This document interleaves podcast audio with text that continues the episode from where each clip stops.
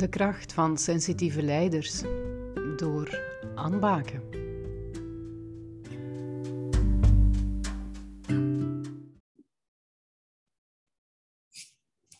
Dag Sarah.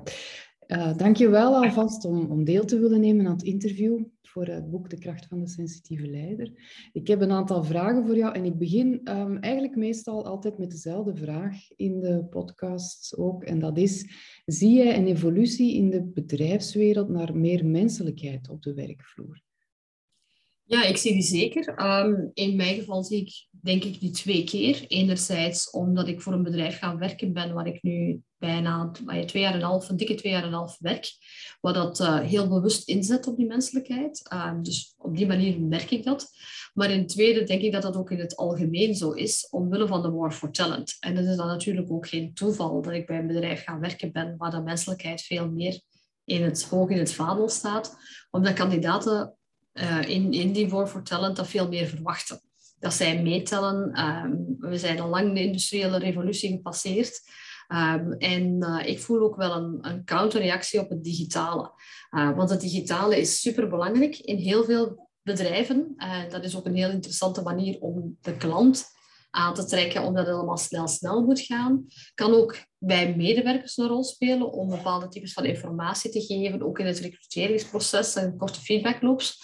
Maar zo te meer digitaal dat je gaat, zo te meer ook dat volgens mij het menselijke ook belangrijk wordt om, ik kan niet zeggen om dat te compenseren, maar omdat mensen toch op zoek zijn naar een bepaalde vorm van authenticiteit en zichzelf ook uh, belangrijk vinden. En of dat nu een klant is of een medewerker. Dus ja, ik zie die trend wel degelijk in, uh, in meerdere bedrijven.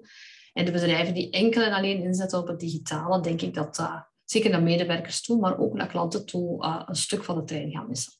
Oké, ja. Je zegt uh, ter compensatie of ter aanvulling van het digitale. Wat, wat zijn dan aanvullingen of, of wat is dan hetgene waar dat mensen naar op zoek zijn ter aanvulling van dat digitale? Wat is hetgene aan menselijkheid dat jullie eventueel bieden bij Carglass of waarvan dat je denkt van dat is hetgene waar dat op moet ingezet worden? Ja, ik denk dat het uh, digitale echt wel beantwoord aan het hier en nu. En klanten die op, op dat moment op zoek gaan naar een oplossing of naar een product of naar een service. En dat ze dan met het digitale heel snel geholpen worden. Maar eens als ze ter plaatse zijn, en zeker wij, wij zijn in een servicebedrijf, als het dan enkel en alleen digitaal is zonder toegevoegde waarde, dan werkt het niet meer. Dus ik denk dat het vooral gaat over die toegevoegde waarde. En dat is vanuit een klantperspectief. Maar dat geldt evenzeer vanuit een medewerkersperspectief. Medewerkers willen graag solliciteren, snel feedback krijgen, heel goed weten waar dat ze naartoe gaan en wat de volgende stappen in het proces zijn. Maar tegelijkertijd zoeken ze dan uh, meer en meer of die, die authenticiteit. En een van de standaardvragen die de geïnterviewden tegenwoordig beginnen te stellen is van, van hoe ben jij als leider? Uh, terwijl het een vraag was die vroeger nooit zou voorkomen. Mm -hmm. um, en dat, dat vind ik wel een leuke, omdat ze echt wel willen ja, een connectie voelen met, uh, met hun leidinggevende. Ja, en wat antwoord je dan op die vraag als die aan jou gesteld wordt? Ik probeer dat te anticiperen. Ik stel meestal de vraag van wat verwacht je van een leidinggevende? Mm-hmm. En als ze nu aan jou gesteld wordt, wat zou jij dan antwoorden? Van wie ben jij als leidinggevende? Wel, dan antwoord ik echt naar, naar waarheid. Dat ik iemand ben die, uh, what you see is what you get. Uh, dat ik iemand ben die eerlijk uh, recht door zee is. die misschien met momenten veel eisend is, maar die tegelijkertijd ook de menselijke kant daarin zegt. Van, het is niet de objectieve om de objectieve, maar het is ook wel die open communicatie daarover. Van als objectieven niet gehaald worden, het waarom, samen zoeken naar oplossingen.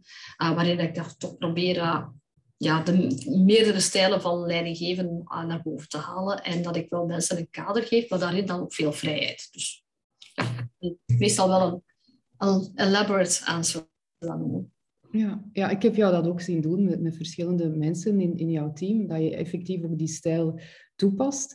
Wat zijn aspecten waar dat jij op let om in jouw manier van leiding geven die menselijkheid echt uh, ruimte te geven? Wel, ik denk dat je als je als leidinggevende denkt dat je alleen aan het roer staat, dat je het dan volledig verkeerd hebt. Um, hangt natuurlijk ook van je organisatie af. Uh, werk je in een KMO, heb je twee mensen aan wie je moet leiding geven, dan is het veel makkelijker om, uh, om je mensen mee te krijgen. In mijn geval heb ik een team van, ik heb ze nu recent niet geteld, maar ik denk 400, 500 mensen. Een jaar geleden, zelfs voordat we carrosserie verkochten, maar 900 mensen. Ja, dan moet je rekenen op mensen. En mensen zijn mensen en, en hebben uh, allemaal hun eigen behoeftes, hun eigen mm, wensen en ook een eigen manier van aanpak. Dus ik denk dat ik daar eigenlijk ook niet zo bewust over nadenk, maar dat ik dat gewoon dat situationeel leiderschap uh, gewoon geïntegreerd heb in, in wie ik ben, in, in het dagelijks van de business. En of dat dan nu met klanten, met leveranciers of met medewerkers is, dat je altijd even kijkt en peilt van wie heb ik voor mij, wat wil ik bereiken en hoe moet ik dat aanvliegen. Hm. En een echte, echte interesse ook in de mensen. Uh. Ja, dat je gaat doorvragen dan en echt wilt ja, weten. Absoluut. Ja. Wat er speelt. Oké, ja. Ja, ja nee, dat, is een, dat is een heel terechte vraag. Um, dat is ook wat ik heel vaak doe. Dat is de, de, de 5-why-techniek. Blijven doorvragen van, ik haal dat objectief niet, omdat omstandigheden. Ja, maar waarom zijn die omstandigheden... Ze hebben in het verleden ook al tegengezeten. Waarom lukt het dan nu net niet? Ja, omdat ik niet goed in mijn vel zit. Voilà, en dan ben je vertrokken en dan kan je... Of omdat mijn, of dat mijn, whatever, mijn medewerker niet goed in zijn vel zit. En dan kan je, daar, dan kan je daarop inspelen. En dan komt de echte reden naar boven. En die zijn zelden puur markttechnisch. Dat gebeurt, maar dat is niet, zeker niet de belangrijkste factor. En dan leid ik daaruit af dat die vaak echt ja, puur menselijk zijn of emotioneel, of mensen zitten dan met iets. Daar kom je toe door te blijven doorvragen, zoals dat je net zegt. Ik hoor van sommige leidinggevenden dat ze daar soms wat schrik van hebben om daar naartoe te gaan. Van, want wat doe ik dan op het moment dat iemand aangeeft dat hij ergens mee zit? Hoe ga jij daar dan mee om? Ja, ik denk dat ik uh, absoluut niet de antwoorden voor die mensen kan uh, geven. Dat ik ook ver weg blijf van het pure therapeutische. Als ze afkomen met uh, echte redenen waarvan je voelt dat die medisch of paramedisch van aard zijn, dan, dan kan je ze alleen maar doorverwijzen naar. Maar dat is maar 5 of 10 procent van de gevallen. In, in, in, in 90, 95 procent van de gevallen is het emotionele meer uh, wat wij noemen mind talk. Uh, dingen die ze zich in hun hoofd gesteld hebben. En dan kan je gewoon door goed te praten um, eigenlijk eventuele obstakels gewoon in hun, in, in hun hoofd weghalen. Zodat ze zelf wel mee kunnen aangaan. en ook daar in, in 80-20 regel, zou ik maar zeggen, in 80% van de gevallen kennen de mensen de oplossing zelf, maar er zit er in hun eigen hoofd een obstakel van waarom dat ze niet geraken. En is dat demotioneel? Ja, je kan dat zo noemen, omdat dat meer naar het emotie of naar het sentiment neigt, maar dat is soms ook gewoon factueel. Ik denk dat jij denkt dat, uh, en die dingen moet je soms uit de weg halen. Ja, kan, kan je daar een voorbeeldje van geven, van zoiets factueel? Ja, um, heel toevallig. Ik had um, gisteren een kandidaat die kwam uh, solliciteren uh, voor iemand, in, niet in mijn rechtstreeks in mijn team, maar het, uh, in, het, een teamlid van mij, van mijn teamleden. En ik vroeg die waarom hij weggegaan was bij zijn vorige werkgever. En daar bleek dan uit dat hij ehm, echt een, een, slecht gevoel had met zijn toenmalige N plus 2. Waarin dat hij dacht van, ik kan daar nooit niet goed voor doen. En uh, dat hij de lat heel hoog legde. En dat uh, pas als hij vertrokken was, dat hij dan pas dat met, um, met zijn toenmalige leidinggevende gaan uitpraten is. Nu is dat een voorbeeld dat dat bij mij gebeurd is, nu niet direct, want dan kan ik niet op 1, 2, 3 opkomen, maar dat is toevallig het laatste wat dat ik gehoord heb. En dat is wel denken dat de leidinggevende denkt. En daardoor zo ver gaan als je ontslag nemen, uh, dat gaat wel heel ver. Ja, dat gaat jou niet overkomen omdat je dan wel doorvraagt en omdat je er wel op uit zou komen dat die mogelijk dat denkt. Ja. Ik hoop dat. Ik hoop dat. Ik kan, dat is natuurlijk geen garantie, want mensen moeten ook openstaan daarvoor. Uh, kan mij dat ook overkomen. Uh, er zijn ook mensen die van nature heel wantrouwend zijn, die heel uh, gesloten zijn ook, die absoluut niet die weg willen opgaan en waar dat dan wel langer mee duurt voordat die zich opengeven. En die dan u bijna telepathisch noemen en zeggen van, hoe weet jij dat? Uh, ja, nee, wat dat je, tussen wat je zegt en wat, dat je, wat, je, wat dat je uitstraalt, zie ik een, enorm verschil. Heb ik niet de indruk dat, of zou je niet over dat onder het nadenken geweest zijn? En dan staat nu bij de vraag van, hoe weet je dat? En, ja, dat is gewoon connecting the dots. Ja, dus je let ook enorm op lichaamstaal. Niet enkel op wat mensen zeggen, maar ook... ja. ja dat is ook echt wel een teken van als leidinggevende dat je interesse hebt en, en dat je het wilt te weten komen, hè, dat je wilt ondersteunen ook. Hè. Ja, opnieuw, omdat je het ook niet alleen kan. Uh, dat is een stuk genuine uh, omdat ik zo ben, maar dat is ook een stuk aangeleerd. Ik ben geen hoogsensitief leider. Hè. Er zijn andere mensen die jij begeleidt, die echt hoogsensitief zijn. Ik probeer wel daarvoor open te staan, omdat ik daarmee echt wel geloof dat je erop verder geraakt. Maar dat is niet omdat ik zelf ehm, van een kilometer afstand uh, kan ruiken of iemand zwanger is. Hè. Want, uh, je hebt van die mensen die hoogsensitief zijn, die tot dat, hè, dat ben ik niet. Uh, maar dat neemt niet weg dat je um, als, als leider altijd moet openstaan voor je mensen en, en echt interesse hebben in wat ze doen. Want als je ze niet meer hebt, dan mag je het alleen gaan doen. En dat werkt misschien in die KMO met twee werknemers, maar dat werkt niet meer bij mij. Oké, ja, vandaar de motivatie. Goed. Heb jij zelf een leidinggevende gehad ooit in jouw carrière waarvan dat je veel geleerd hebt of waarvan dat je geleerd hebt dat die zaken belangrijk zijn? Of ben je dat van nature zelf altijd aan het, aan het doen geweest? Nee, ik denk dat het een combinatie is van een heel aantal leidinggevenden, waarin dat sommige leidinggevenden daar sterker in waren dan anderen. Um, een van de leidinggevenden waar ik het meest van geleerd heb, was een Engelsman. Uh, best wel wat jaren geleden in, in mijn carrière. Hij is helaas een maand of zo geleden overleden. Dus uh, ik kan het hem niet meer zeggen, maar ik zal zijn weduwe nog schrijven. Uh, die had ook echt interesse in mensen. En die kon ook, uh, zeker in een multiculturele omgeving ook, want dat was een Europese functie, kon echt ook wel de juiste snaar raken bij de juiste mensen. En dat is iemand die mij heel veel geïnspireerd heeft. Maar dat is zeker niet uh, ik heb een andere leidinggevende gehad, dat was een Belg, uh, die ook al in heel veel Europese watertjes doorzwommen had, maar die ook echt wel heel goed was in de juiste mensen op de juiste plaats zetten. En die van zichzelf ook toegaf van, ik kan eigenlijk helemaal niet veel, maar ik weet mij wel te omringen door mensen die het wel kunnen. En, en die dan ook de motivatie bij iedereen elke keer opnieuw heel hoog had. Dus voor mij is het eigenlijk een, een sequentieel opbouwen van, uh, van een hele hoop leidinggevenden die mij allemaal beetjes geleerd hebben. En voor mezelf heb ik altijd zoiets van, een dag is maar een goede dag als ik zelf iets bijgeleerd heb. En als leider leer je elke dag bij. En als je denkt dat je waarheid te pacht hebt, dan er waren oude Griekse filosofen die dat ook al wisten. Hè, van ja. Zelfkennis en elke dag bijleren, nou, dat is het begin van alle wijsheid. Ja, supermooi.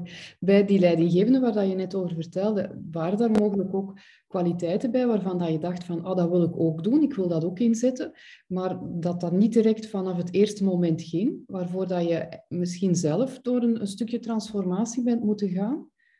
Ja, zeker. Um, ik denk dat de belangrijkste transformatie waar ik zelf doorgegaan ben, is, is op een gegeven moment mijn ambitie opzij zetten. Uh, als jonge vrouw uh, ben je dan op een gegeven moment ambitieus, je wordt moeder, uh, je wil dan ook heel bewust moeder zijn en uh, tegelijkertijd je carrière voor, uh, voortzetten. En dan ga je op een gegeven moment kom je jezelf tegen van wat wil ik nu, wat kan ik nu.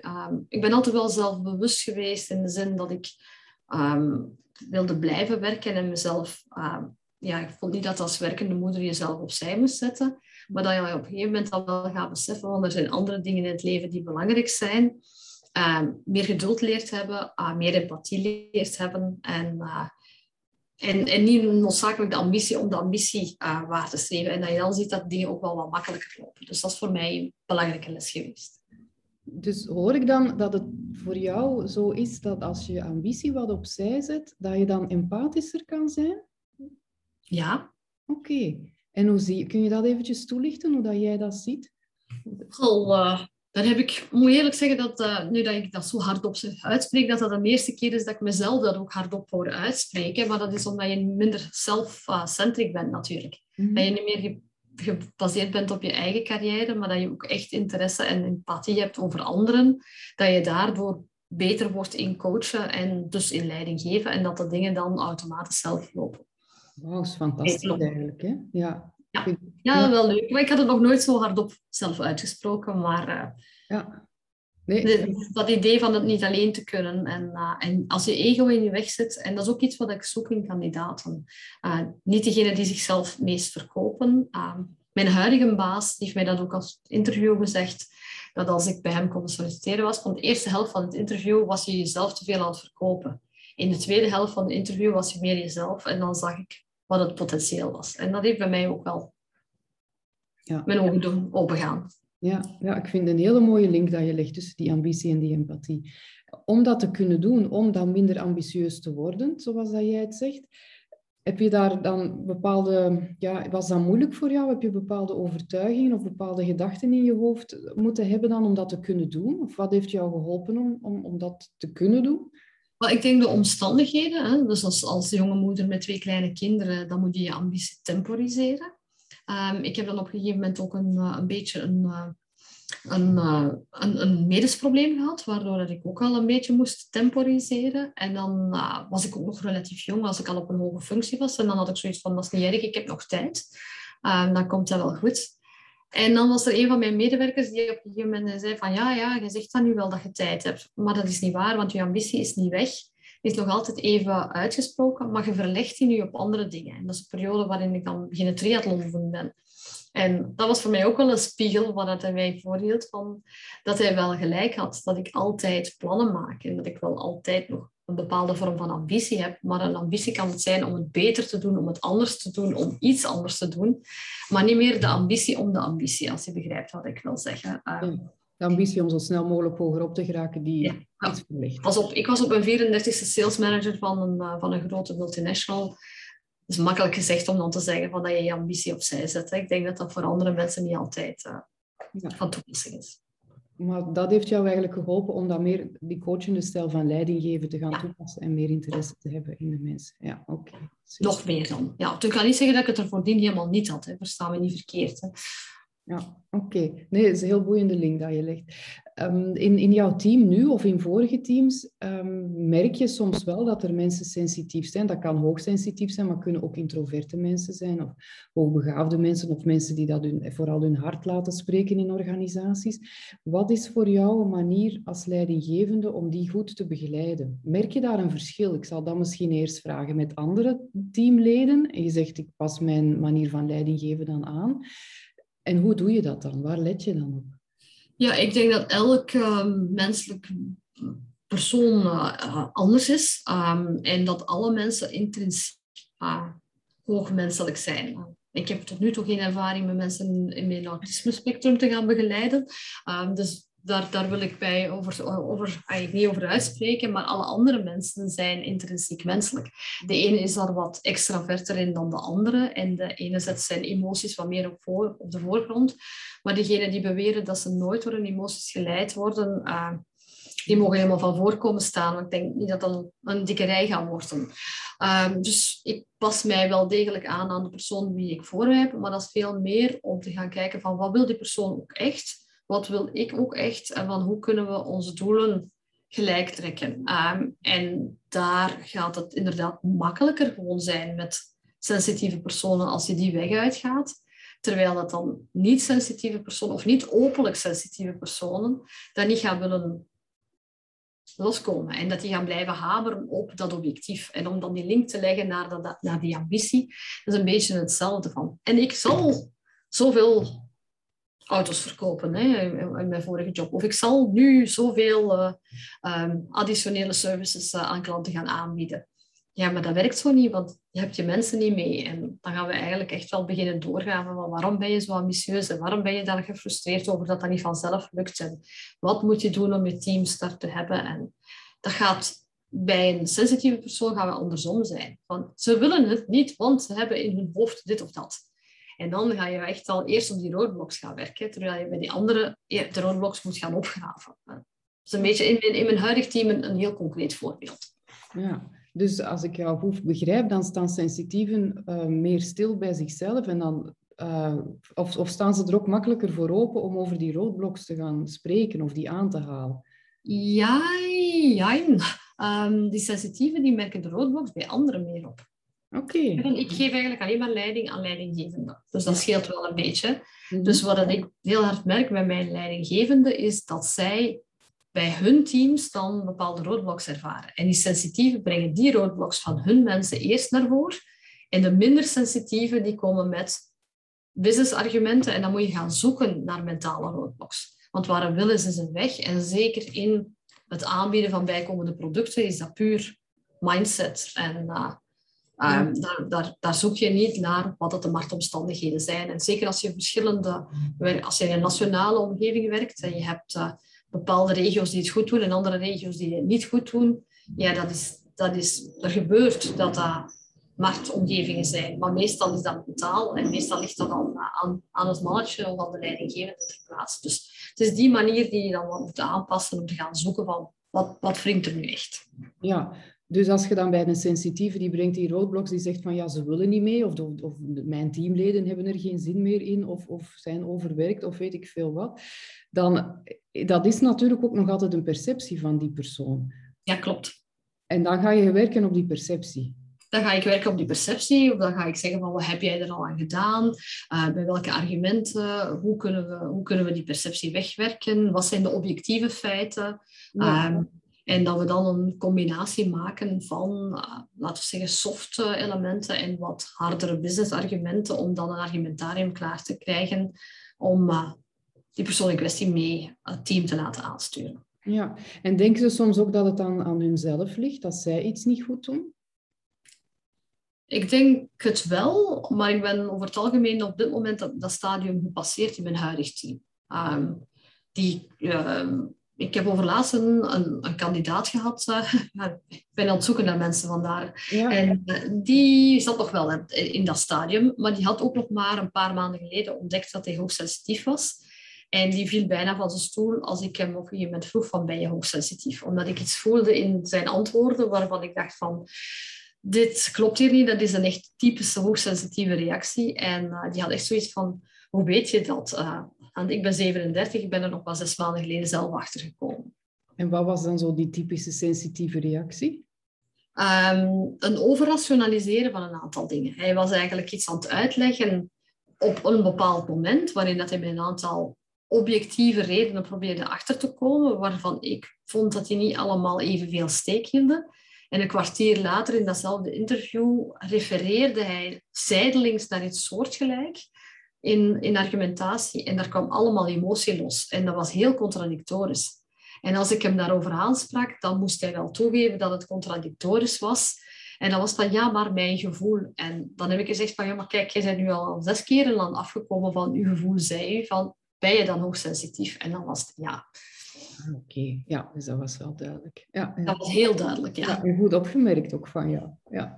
ja, in een jobinterview ben je natuurlijk altijd heel gevoelig voor, uh, ja. voor contradictorische signalen, want als je ze daar niet opvangt... Nee, dan ben je daar alert voor, hè, uiteraard. Ja.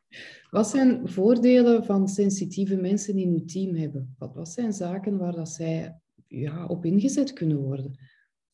Wel, ik denk dat ik daar eigenlijk... Uh, en zeker die hoogsensitieve, dat ik die heel graag inzet um, voor, het, uh, voor het inschatten van mensen en voor het inschatten van die fameuze roadblocks. Um, als je sensitieve mensen hebt die in onderhandeling gaan, die voelen direct tot waar dat ze kunnen gaan. Uh, dus daar kan je sensitieve heel goed inzetten, want die kunnen heel goed body language lezen en zeggen van ben ik tot het uiterste gegaan. Hè? Sensitieve mensen in purchasing is uh, fantastisch. Mm-hmm. Want die voelen heel goed dat een niet-sensitieve onderhandelaar aan de andere kant van de tafel van hey, die, zit er nog, die, die, is, die is nog niet tot het einde van zijn Latijn, dus ik kan nog verder pushen. Um, aan de andere kant uh, kan je sensitieve mensen ook echt inzetten als, als de verkenners. Hè. Dat is een beetje in het, in het prototype van het hoogsensitieve. Hè. De vroegere jagers-verzamelaars, degene die dan uitgezonden werden om de signalen op te vangen. Wel, dat is waar je sensitieve nog altijd voor kan gebruiken. Je stuurt die het veld in, je gaat links en rechts horen bij medewerkers of bij klanten uh, van wat het er mis is. En die pakken allemaal signalen mee die kunnen er niet altijd, die leren dat wel, maar die kunnen er niet allemaal iets mee. Maar als je dat gewoon bent van hen te werken, dan kan je links en rechts hun signalen interpreteren en de data ernaast zetten en dan weet je wat het recht aan de hand is. Ja. Dat zijn nu twee voorbeelden van waar ik graag sensitieve mensen voor inzet. Ja, ja, heel interessant. Ik hoor jou zeggen, zij komen dan met informatie terug en jij gaat dat aanvullen met data, de combinatie van de twee dan. Dat is ook iets dat ik vaak hoor bij sensitieven. Ze zeggen dan, ja, ik voel dingen aan, wat je daarnet ook zei van het jobinterview. Maar ze gaan dan vaak te weinig onderbouwen met data, waardoor dat ze mensen niet meekrijgen, de andere teamleden of de leidinggevenden. En dat frustreert hen dan enorm Is er naast dat onderbouwen met data nog iets waarvan dat je zegt van let daarop als je iets wilt eh, aankaarten in je team of iets duidelijk wilt maken dat jij aanvoelt, iets dat belangrijk is? Voor om ja, um, ja, ik denk het wel. Ik denk het, het, het niet overslaan van stappen in de redenering. Um, je vroeg er straks al voor een paar uh, leidinggevenden die ik ooit gehad had. Ik had er nooit eens een leidinggevende, mijn eerste leidinggevende. En die maakte er een sport van, van uh, dingen te beginnen te vertellen. Die zei A, D, G, uh, N, Q. En die testen tot waar zijn ze mee. Want die, stapte, die sloeg al die stappen in de redenering over. En die wist al van, oké, die zijn intelligent, want die gaan met mij mee tot in Q. En die zeggen zelf al V of V, whatever. Omdat die mee zijn in de redenering. Maar de helft van de, van de zaal was niet mee in zijn redenering. Nu, hoogsensitieven hebben ook die neiging om, uh, om die stap in de redenering over te slaan, omdat het voor hun zo obvious is.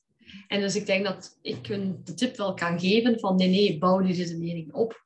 En, en voor hun is dat soms post-rationaliseren. Uh, maar voor niet-hoogsensitieven is dat gewoon puur rationaliseren. Van persoon 1 zei A, dus was het daarna B en dan pas opbouwen. Uh, terwijl zij ook naar R of zo springen in één keer.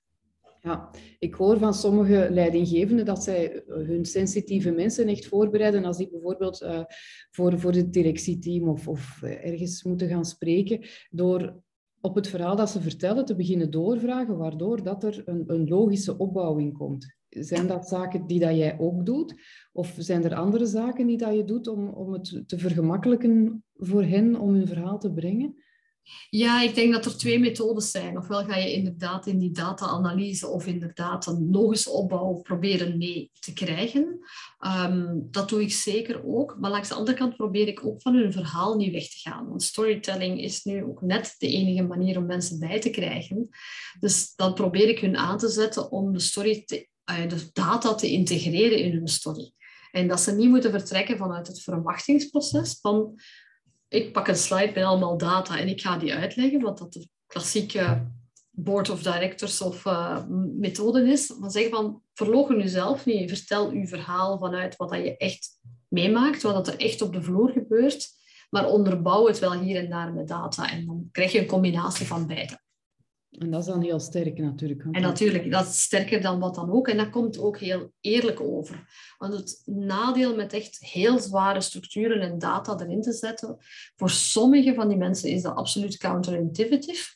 En als je dan een hele sterke analytische iemand in de boord hebt, die doorprikt hun direct en dan zijn ze verloren.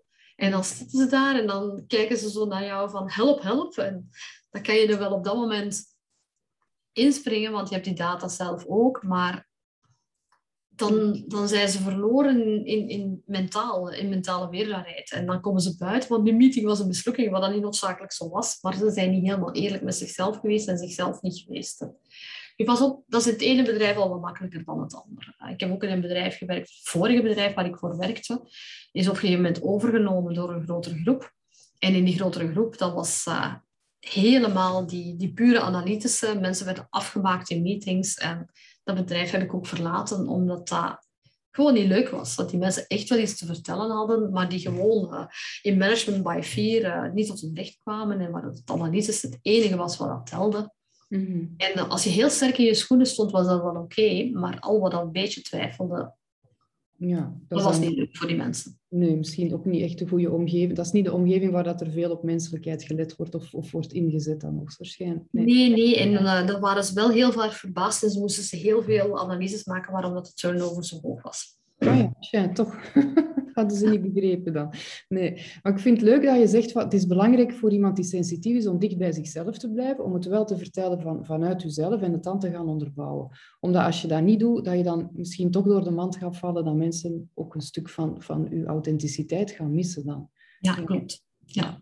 Ik merk dat heel veel sensitieven uh, op dat vlak twijfelen aan zichzelf, zich gaan vergelijken met andere mensen die sterk in hun schoenen staan, die dan misschien niet sensitief zijn en andere kwaliteiten inzetten, daar ook aan proberen voldoen, maar dat dat eigenlijk niet helemaal matcht met wie dat ze zijn en dat het dan ook niet lukt. Ja, ja voilà, klopt. En dat is wat ik ook probeer met mensen duidelijk te maken als ik er zo heb. En op dit moment heb ik er inderdaad één. Uh, ja, en, en dan, lagen daaronder hier en daar ook nog iemand. Uh, maar die, die kan je inderdaad best inzetten op hun, op hun sterktes.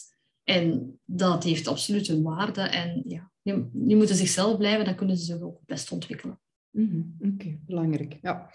Ik merk dat veel sensitieven veel verantwoordelijkheid naar zich toe trekken. Dat zij, uh, werken voor het grotere geheel, ze willen veel mensen helpen, ze, ze, trekken daardoor ook veel zaken naar zich toe en kunnen bij momenten ook moeilijk nee zeggen. Hoe ga jij daarmee om als je merkt dat dat gebeurt? Wel, ik denk dat het vooral een kwestie is van communicatie met hen. Ehm, ik denk dat de mensen die in mijn team zitten, die dat hebben, dat die dat ondertussen voor zichzelf ook al geleerd hebben. Om uh, niet overprikkeld te geraken. Uh, die krijgen daar ook soms fysieke signalen van. De ene heeft dan uh, zijn nek zit vast, de andere heeft dan hoofdpijn. Ehm, dus over het algemeen werkt dat al, ja, hangt ook een beetje van de leeftijd van je ploeg af. Hè? Maar diegenen die al wat ouder zijn, die hebben dat zelf al geleerd. Als ze dat niet geleerd hebben, is dat een kwestie van communicatie. En heel vaak met hen in overleg gaan van waar ben je mee bezig? Ja, hoeveel prikkels komen er? Hoeveel prioriteiten zijn er? En dan gewoon de prioriteiten met hen te overlopen. Ehm, ik heb tot nu toe nog nooit het geval gehad dat ik moet zeggen van daar moet je van afblijven of dat moet je loslaten. Dan mag ik echt niet van klaar. Nee, daar hebben ze zichzelf in kunnen reguleren dan. Dat het... Ik denk het. Of anders dan maak ik dan misschien toch wel de prioriteiten duidelijk. Of uh, zonder dat ik mij ervan bewust ben dat ik hun dat... Uh... Mm-hmm. Maar dat is wel een goede opmerking. Die ga ik meenemen om de volgende keer eens op te letten. Om te zien of dat... Uh, of ik daar nog iets extra in kan betekenen voor hen. Ja, ik weet het niet of dat het zich voordoet. Het is iets dat ik vaak merk. Uh, vandaar dat ik de vraag stel. Maar ik mag er niet van uitgaan dat dat overal gebeurt natuurlijk. Nee, wel, maar ik ga er eens op letten. Dus zo kunnen we, zo kunnen we elkaar weer helpen. Ja, eh, iets waarvan dat ik denk dat Carglass het ook heel, of dat, dat weet ik dat Carglass dat belangrijk vindt, is zingeving op het werk. Alles wat dat met purpose te maken heeft. En dat is ook iets wat voor sensitieven een hele belangrijke is. Wat is het nut van mijn werk? Waarom doe ik dat? Hoe kan ik het verschil maken? Um, op welke manier zet jij daarop in? in bij jezelf eventueel, uh, zeker bij je team? Hoe, hoe werk je daarmee? Ik denk dat um, binnen Carglass werken wij inderdaad vrij veel met purpose. Um, iedereen heeft een, een, een purpose, een Simon Sinek-achtige opleiding gehad. Um, en, en heel veel zijn dan ook op zoek gegaan naar hun eigen zin in het leven. En ook de vraag gesteld of dat, dat wel degelijk binnen het bedrijf zo is. Nu binnen Carglass hebben we dat geluk dat we en die opleiding gevolgd hebben, maar ook omdat de purpose van het bedrijf zelf is het verschil te maken voor medewerkers en voor klanten. Dus per definitie um, wat, stelt die vraag zich bijna niet bij ons in, op het werk. Want wij willen gewoon, uh, in, in onze mission statement staat dat, wij het verschil willen maken voor medewerkers, zodanig dat die zich kunnen inzetten om de onbaatzuchtig voor klanten, zodanig dat de financiële resultaten beter worden en dat we ook kunnen teruggeven aan de maatschappij. En omdat wij op die vier pijlers werken, medewerker, klant, uh, financiële resultaten en teruggeven aan de maatschappij, zit, er bij, zit bijna iedereen wel op de een of andere manier um, voet in zijn vel. Wat ik echter wel merk, is dat, um, dat dat zo is voor de mensen op hoofdkantoor en voor het middelmanagement. En zeker voor het hogere management. Maar dat dat nog niet altijd wijdverbreid is voor de mensen op de vloer. Mhm. En wat we daar nu wel mee aan het doen zijn, dat is toevallig heel nog deze morgen um, en dinsdag zijn wij gesprekken aan het uh, doen bij de beide filialen om uh, echt wel die, die ballon te gaan doorprikken en, uh, en mensen waar dat ze hoge afwezigheidsgraden, um, gebrek aan motivatie, hoe dat we die aan elkaar kunnen linken. Dan opnieuw door te vragen tot de constatatie komen dat er daar hier en daar ook nog wel dingen zijn die we beter zouden kunnen doen en waar dat die purpose van het leven niet meer matcht met de purpose van het bedrijf. En dat we die mensen dan ook naar, ja, naar huis sturen met, met vraag, met hoofd, ay, hoofd ay, belangrijke vragen in het leven en met huiswerk om uh, voor zichzelf die levensvragen te gaan beantwoorden. Want ofwel ga je terug helemaal mee in die zingeving, ofwel moet je jezelf een vraag stellen. En hoor je dan nog wel in dit bedrijf? Of heb je een andere purpose? En dat kan dan ook. En zo is er recent op het hoofdkantoor iemand vertrokken die uh, directeur geworden is van de schoolgemeenschap, omdat hij daar veel meer zich terugvond in het, uh, in het teruggeven aan de maatschappij dan in een commerciële omgeving te werken. Dat zijn we met alle plezier met, met haar, uh, hebben haar uitgewuifd en Mm Dan wordt op die manier komen we tot een win-win situatie. Ja, dat klopt dan ook beter voor die persoon. Hè? En het heeft dan weinig zin dat dus, hij dat niet volgt. Ja, dus uh, voor mezelf doe ik, omdat dat ook een deel van je vraag was, voor mezelf um, doe ik dat op regelmatige basis. Gewoon terug uh, mezelf de vraag stellen van doe ik dit nog graag? Waarom doe ik dit? Kan ik nog het verschil maken? Uh, en probeer ik de balans te maken van hoeveel dagen ben ik ja, thuisgekomen of heb ik mijn pc dicht gedaan hè, tegenwoordig. Ja. Uh, met het gevoel dat ik ook echt het verschil gemaakt heb en dat ik, dat ik blij ben met wat hetgeen dat ik doe. En als die balans goed zit, en maak je geen illusies, die is geen 10 op 10. Hè. maar als ik aan 8 op 10 zit of 9 op 10, dan ben ik al heel blij. En er zijn maanden dat je eerder aan 7 zit. Uh, maar er moet een overgrote, eigenlijk ga ik toch wel meer voor 8 of 9, een overgrote deel van, van de dagen zijn waarin je echt het gevoel hebt van die purpose die ik heb en het verschil maken, dat heb ik kunnen doen vandaag. Ja. En wil je vertellen wat dat jouw purpose is? Uh, ja, ja, want dat is eigenlijk redelijk makkelijk. Uh, ik ben, uh, voor mij is mijn purpose echt eh, het, het maken van plannen en het teams meetrekken en mensen enthousiasmeren om die plannen ook te verwezenlijken. En of dat dan nu privé is of ehm, zakelijk, ik, ik leef op als ik een reisje kan plannen met vrienden, wat ik twee weken geleden nog gedaan heb, waarin we gaan fietsen zijn en waar we elke avond met een thema gewerkt hebben. En ik heb iedereen daarin meegekregen en dan ben ik helemaal gelukkig. En wat is dan de waarde voor jou dat daar belangrijk in is? Dus je zegt, ik, ik wil plannen kunnen maken, ik wil mensen enthousiasmeren, ik wil hen daarin mee kunnen nemen. Welke waarde zit daar voor jou achter? Er zitten meerdere waarden achter. Voor mezelf zit daar een, een, een stukje de waarde in van ehm, het verschil te kunnen maken, mensen te kunnen uit een comfortzone te trekken, ehm, ehm, nieuwe dingen te ontdekken. Voor mij is dat heel belangrijk. Nieuwe onbetreden paden, andere dingen uit ander perspectief te kunnen bekijken. Maar het tweede is even goed uh, belangrijk, om andere mensen te kunnen enthousiasmeren en, en niet alleen te staan. Ik ben intrinsiek extravert, in de letterlijke zin van het woord laat mij een plan maken en helemaal alleen op wereldreis gaan. dat gaat niet. En, en mijn excuus is dat ik het nu even in de privésfeer trek. Maar dat maakt soms die purpose wel wat makkelijker. En op werk is dat natuurlijk net zo. Uh, je probeert onbetreden paden, nieuwe ideeën, uh, mensen enthousiast te maken om, om andere dingen te, te gaan proberen en dan ook andere resultaten te bereiken. En dan is dat zo fijn om te gaan zien hoe de mensen daarin enthousiast zijn. Ja, en is dan, dat, daar leg ik de link, maar misschien klopt ze niet, een manier om andere mensen uit hun comfortzone te trekken voor jou, op het werk dan, misschien in de privé ook, door hen, um, met hen te gaan praten en door te praten over mogelijke obstakels of mogelijke roadblocks. Omdat hen op die manier ergens anders naartoe kan krijgen. Waarschijnlijk, maar daar was ik mij ook niet van bewust. Um, maar misschien moet ik daar nog wel wat meer in doen. Ik denk dat voor een stuk ook natuurlijk is. Hè? Want um, ik ik heb het geluk van, van als ik jong was ook al uh, ja, in de leiding van de jeugdbeweging te gaan. En ik, ik ben in die zin, ik kan niet zeggen dat ik een natuurlijke leiderstype ben, maar dat is nog niet ver af. Uh, vouloir me vanter, zoals ze dat in het Frans zeggen. Het is de reflectie over de leiderschap die je met de jaren heen brengt. Maar ik ga niet zo ver als te zeggen van, dat het mijn sensitief leiderschap is die mij zo ver gebracht heeft. Het is eerder andersom eerder een neiging tot natuurlijk leiderschap dat vervolledigd is met een set aan technieken en, en zelfreflectie vooral, om daarover na te denken van wie ben ik en wat wil ik en hoe kan ik dan betere resultaten bereiken. Zelfreflectie, dat is een belangrijk aspect ook, denk ik, hè, bij leidinggeven. Ik hoor het jou nu ook vertellen, dat dat eigenlijk het maakt dat je je hebt kunnen vervolledigen of, of dat je nu verder staat in je leiderschap dan aan het begin van je carrière. Ja. Dat klopt, absoluut. Die zelfreflectie, is dat iets dat je altijd gedaan hebt? Of heb je dat ook geleerd om dat te doen? Ik heb dat absoluut geleerd.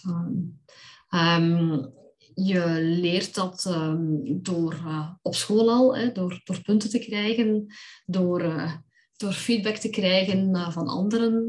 Nee, je leert dat door commentaren te krijgen op je thesis, door evaluatie. En, en je kan dat op een heel laagdrempelige manier doen. En dan kan je dan, naarmate je ouder wordt, uh, komen daar dingen bij als commentaren van vrienden, een partner die je feedback geeft, uh, de kinderen die je ogen wel eens open doen.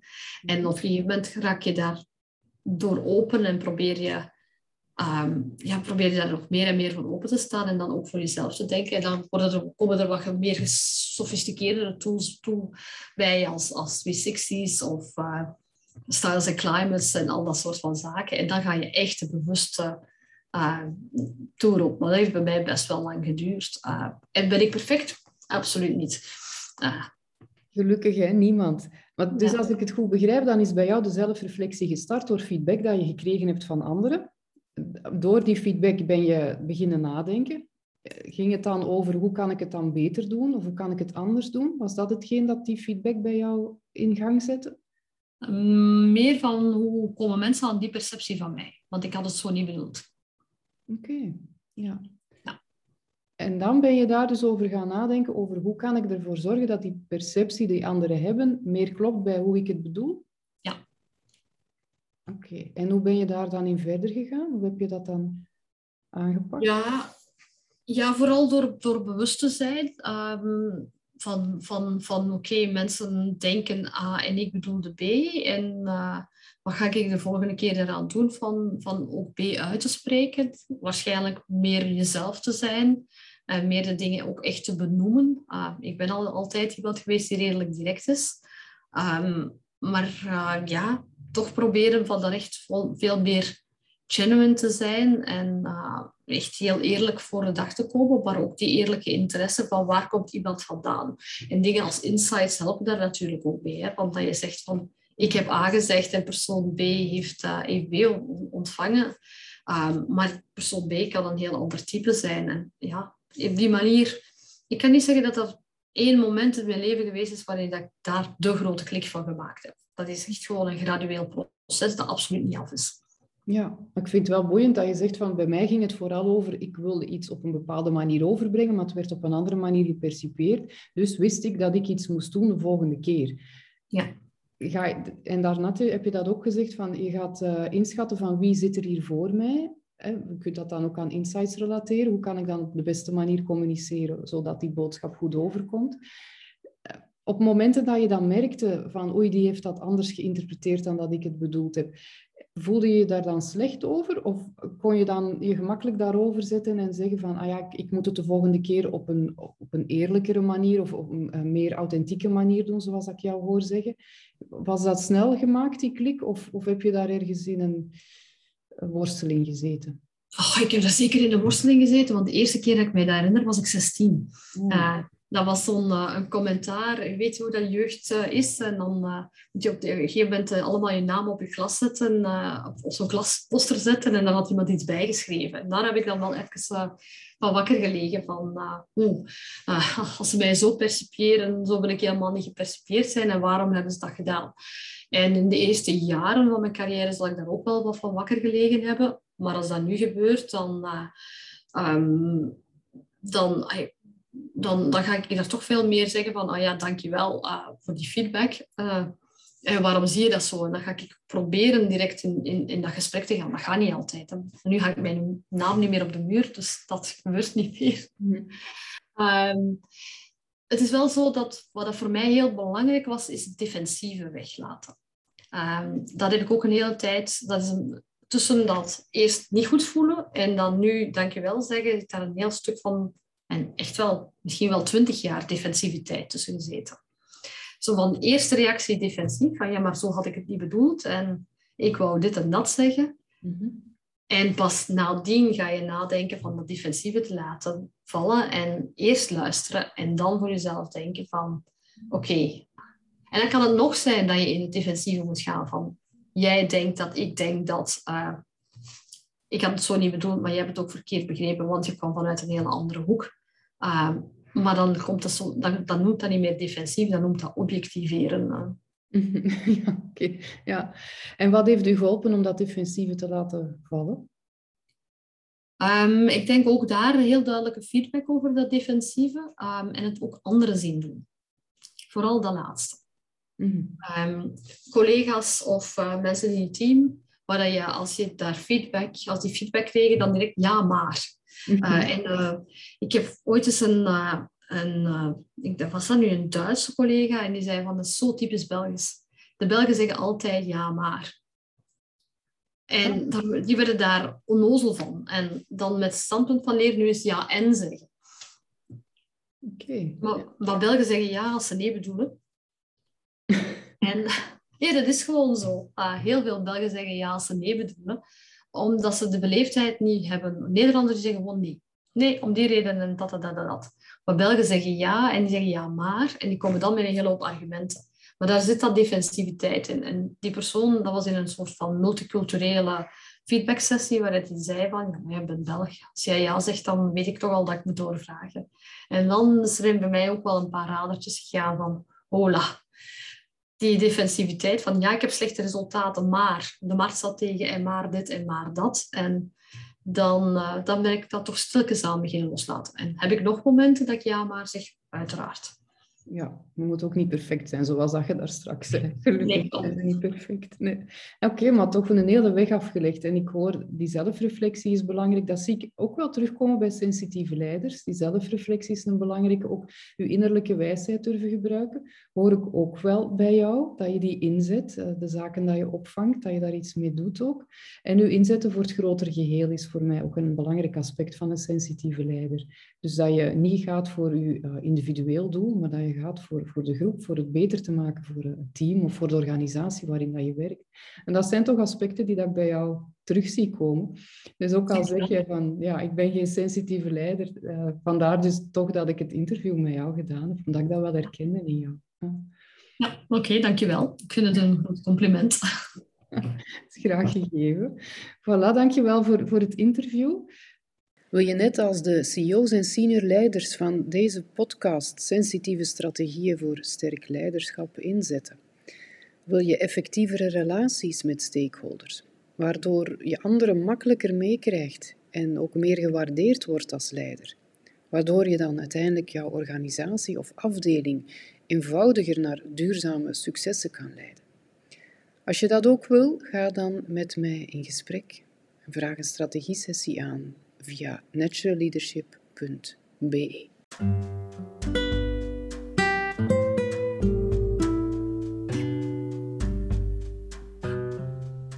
De kracht van sensitieve leiders door aanbaken.